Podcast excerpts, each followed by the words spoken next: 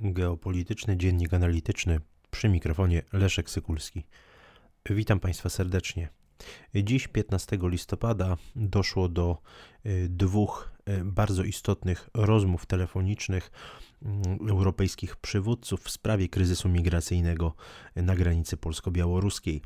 Y, po pierwsze, doszło do rozmowy prezydenta Francji Emmanuela Macrona z prezydentem Rosji Władimirem Putinem po drugie, doszło do no, dosyć niespodziewanej rozmowy, myślę, że niespodziewanej mm, w Warszawie, a mianowicie kanclerz Niemiec Angeli Merkel i prezydenta Aleksandra Łukaszenki, prezydenta Białorusi.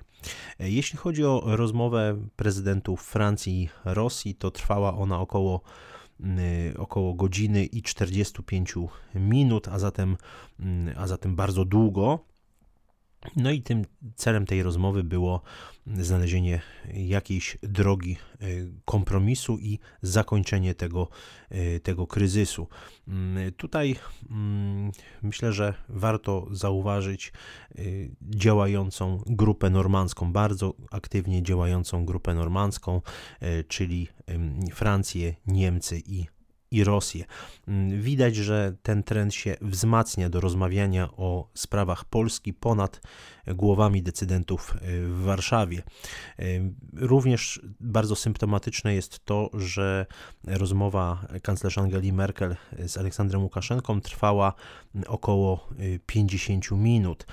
Tutaj biorąc pod uwagę no, napięte relacje także na linii Berlin-Mińsk, zwłaszcza po ostatnich wyborach prezydenckich na Białorusi, które odbyły się 9 sierpnia 2020 roku, no, widać ten pragmatyzm dyplomacji niemieckiej, widać pragmatyzm mm, w tej strategii polityki zagranicznej i polityki bezpieczeństwa mm, właśnie Republiki Federalnej Niemiec. Warto zauważyć, że, była to, że był to właściwie pierwszy kontakt między prezydentem Białorusi i zachodnim przywódcą, przywódcą któregoś z zachodnich państw właśnie po e, ubiegłorocznych e, wyborach, e, wyborach prezydenckich. To pokazuje także moim zdaniem wielką kompromitację polskiej polityki wschodniej.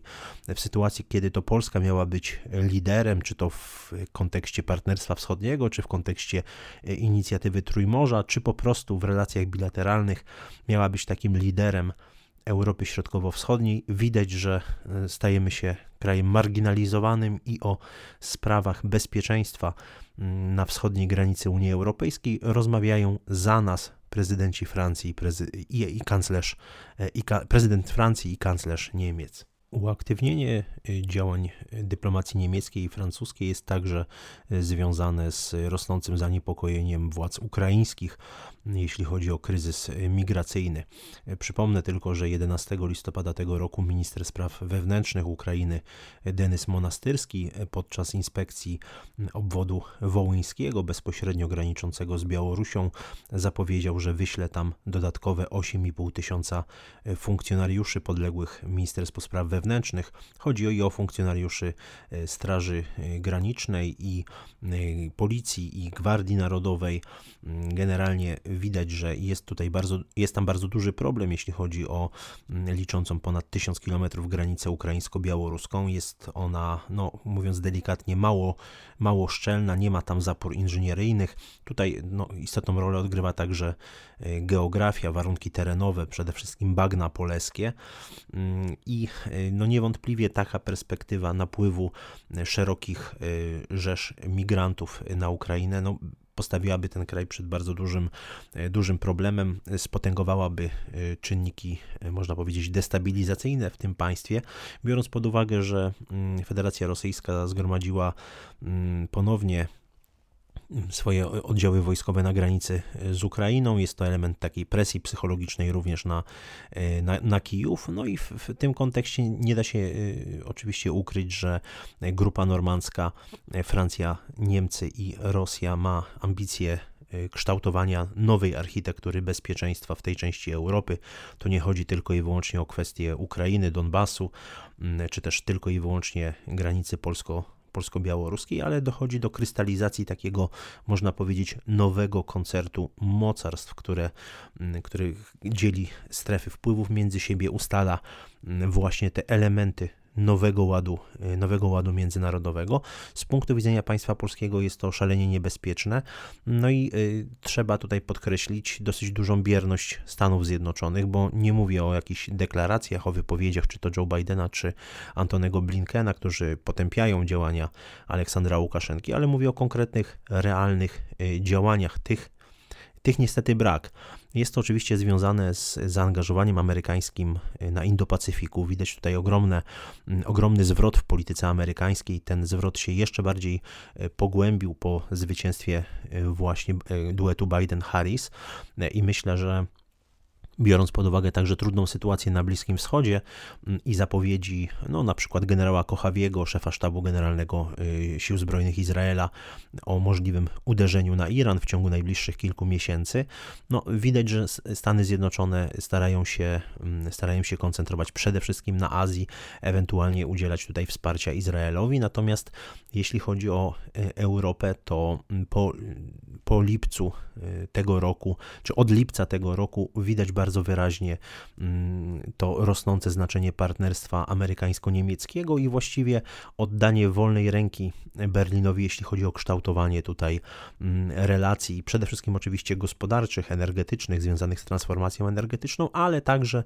widać, że kwestie mediacji, dyplomacji mm, również są w tym, w tym obszarze bardzo żywego zainteresowania Berlina i tutaj Berlin ma niewątpliwie zielone światło ze strony Waszyngtonu w tej, e, w tej sprawie. Zresztą nie tylko w tej, bo po ostatniej konferencji libijskiej mm, w, we Francji też było widać, że to e, ten duet Francja, Francja-Niemcy zaczyna odgrywać bardzo istotną, e, istotną rolę i oczywiście nie sposób nie zauważyć mm, także tych, mm, powiedziałbym, rozdźwięków między członkami Sojuszu Północnoatlantyckiego, zwłaszcza y, na osi Paryż-Ankara.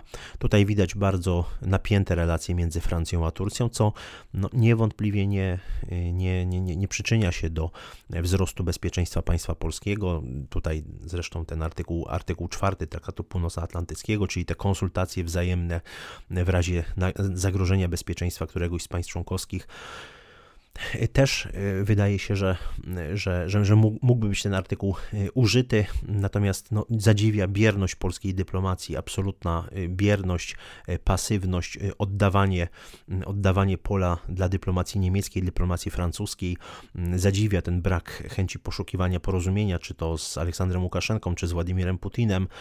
Jeżeli, podkreślam jeszcze raz, i, bo to jest pewien nieustający proces geostrategiczny w tej części Europy. Jeżeli Polska nie będzie aktywnym mm, uczestnikiem stosunków międzynarodowych, jeżeli nie będzie mm, budować pozytywnych relacji z sąsiadami, nie będzie szukać kompromisów, to tych kompromisów będą szukać y, więksi gracze od nas, czyli, czyli przede wszystkim Berlin, Moskwa i Paryż.